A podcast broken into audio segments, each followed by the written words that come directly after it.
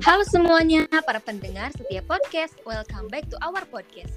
Saya Azara Dinda dan di episode podcast kali ini kayaknya bakalan seru banget nih karena aku nggak cuma sendiri tapi juga ditemenin sama kedua teman aku yaitu Halo, aku Astri Sari Utami dan aku Ahmad Fauzi. Oke, pada episode podcast kali ini kita bakalan ngebahas sesuatu yang sering banget nih anak remaja zaman sekarang alamin, yaitu overthinking. Wah, kenapa tuh overthinking? Kenapa dari sekian banyak topik nih, kenapa kita ambil overthinking ini? Nah, kenapa overthinking? Aku pembahasan mengenai overthinking ini sangat relate ya sama kehidupan kita selaku remaja yang beranjak dewasa. Sering banget kan ya ngalamin yang namanya cemas, khawatir, terutama sama masa depan kita sendiri. Oleh karena itu, diharap teman-teman enjoy mendengarkan karena kita di sini nggak cuma ngobrol doang, tapi pastinya sama-sama belajar mengenai apa itu overthinking, kenapa kita sering banget sih yang namanya ngalamin overthinking. Terus pastinya di akhir juga kita bakalan ngasih tips gimana biar overthinking ini nggak berdampak buruk buat kita.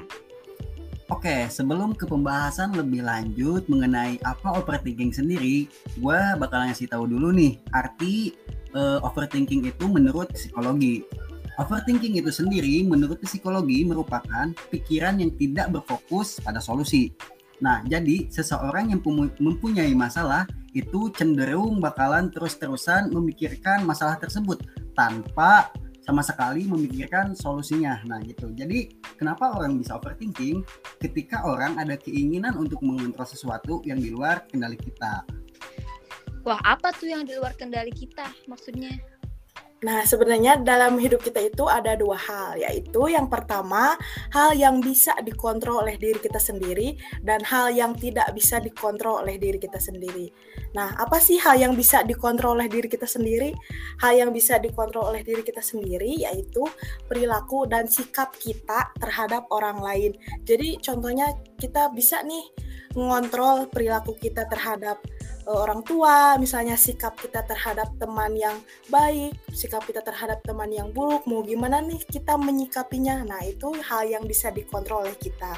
Kemudian, hal yang tidak bisa dikontrol oleh kita yaitu perilaku, sikap, dan persepsi orang lain terhadap kita. Jadi kita nggak bisa nih ngatur persepsi orang lain ke kita tuh kayak gimana. Misal kita pengen sikap teman kita tuh baik nih ke kita pengen perilaku teman kita tuh baik nih ke kita. Nah kita itu nggak bisa ya ngatur atau mengontrol perilaku orang lain terhadap kita. Jadi itu apa adanya mereka aja kita nggak bisa pengen atau kita nggak bisa kontrol harus kayak gini nih. Nah seperti itu Wah, kayaknya emang kita sering banget ya yang namanya cemas sama pandangan orang lain terhadap kita. Nah, sehubungan dengan cerita barusan nih, mungkin aku juga mau ngasih saran dikit ya buat teman-teman pendengar podcast mungkin yang sering juga overthinking. Karena ya overthinking itu sangat amat sulit dihentikan, nggak bisa ditolak gitu aja. Karena itu naluri kita sendiri dan terjadi begitu cepat di otak kita. Ketika nih di kepala kita udah ada yang namanya gimana ya kalau aku gagal atau misalnya kayak kenapa ya kemarin aku gagal? Itu tuh udah terjadi overthinking. Berarti sesimpel itu gitu Nah, itu tuh sebenarnya hal yang biasa ya, cuma repotnya adalah ketika pertanyaan tadi itu nggak bisa kita jawab, kayak gimana ya kalau kita gini, kayak kenapa ya aku kok nggak bisa ini, atau kenapa ya kok aku nggak kayak orang lain gitu. Nah, itu tuh sebenarnya pertanyaan-pertanyaan yang bisa sangat menimbulkan ke overthinkingan itu sendiri. Karena dari pertanyaan tersebut itu yang nggak bisa terjawab tadi, nah akhirnya muncullah worry alias kekhawatiran. Nah, dampak buruk buruknya adalah bisa bikin aktivitas sehari-hari kita itu terhambat karena pikiran-pikiran kita tadi itu bahkan bisa jadi bikin kita gangguan mental karena saking kepikiran, saking kita worry-nya itu tadi bisa buat mental kita terganggu karena terus-terusan mikirin hal yang sama tanpa henti, tanpa jeda kayak terus-terusan mikir. Jadi kita tuh gangguan mental tuh pasti akan uh, datang gitu karena terus-terusan mikir kayak gitu gitu. Wah, ternyata overthinking dampak buruknya bisa sebahaya itu ya. Nah, sekarang kita udah tahu dong ya, kalau yang namanya overthinking itu ternyata bisa sebahaya itu loh. Bahkan buat diri kita dan mental kita juga. Terus nih teman-teman, sebenarnya boleh nggak sih overthinking itu mengingatkan tadi ya, overthinking itu nggak bisa diberhentikan gitu aja. Tapi dampak buruknya juga semengerikan itu. Terus ada nggak sih overthinking yang sehat Ada dong pastinya. Nah, overthinking yang sehat itu adalah ketika kita tahu how to control it.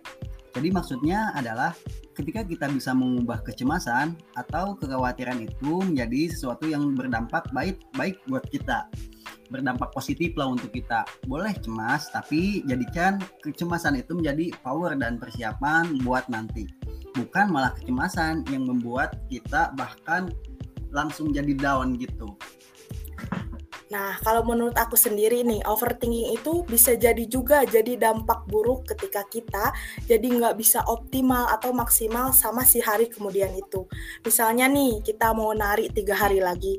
Nah, satu atau dua hari sebelum itu, kita pasti nggak sih kepikiran kayak, bisa nggak ya nanti kita bisa nggak ya kita uh, ngikutin gerakannya nah bisa nggak ya kita fokus sama gerakannya nanti.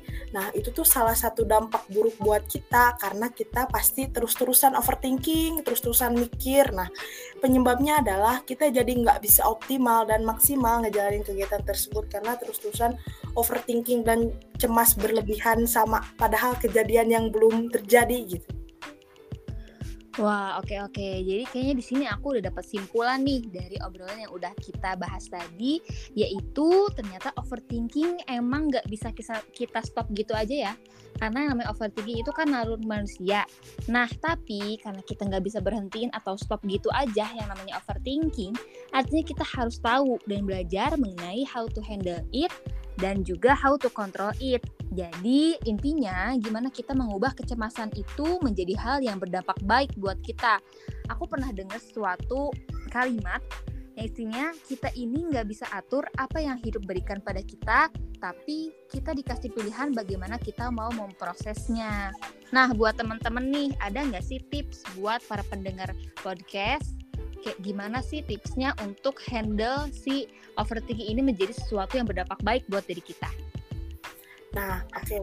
Nah, berarti uh, kita tuh harus mencari how to handle it, bagaimana kita menghandle semua itu. Nah, mungkin kita ganti ya main fakta kalau berpikir sekali atau beberapa kali sebenarnya sama saja akan membawa perubahan yang signifikan.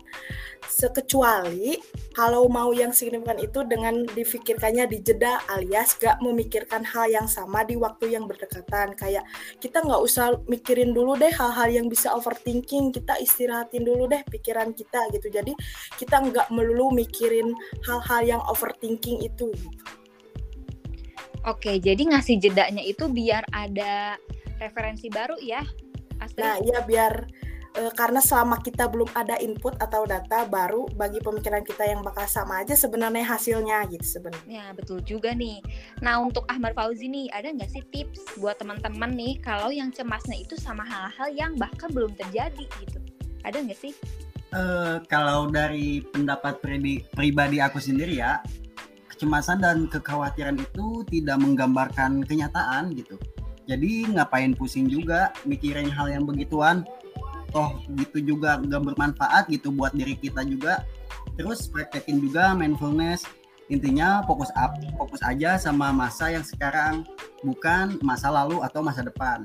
Jadi hasilnya pun maksimal gitu dan fokus sama hal yang bisa kamu kendalikan aja. Oke, intinya kita fokus sama yang hari sekarang aja dulu gitu ya. Iya, nah, ya, teman-teman, jadi itu mungkin simpulan dari podcast kami. Semoga teman-teman bisa banyak belajar dari episode podcast kali ini ya. Biar kita tuh nggak cuma ngobrol ngalir ngidul doang gitu, tapi ada isinya, alias ada manfaat buat kalian. Mungkin kita cukupkan sampai di sini ya, Asri dan Ahmad Fauzi. Ya dong. Sampai jumpa di cerita-cerita berikutnya. Saya Azahra Dinda.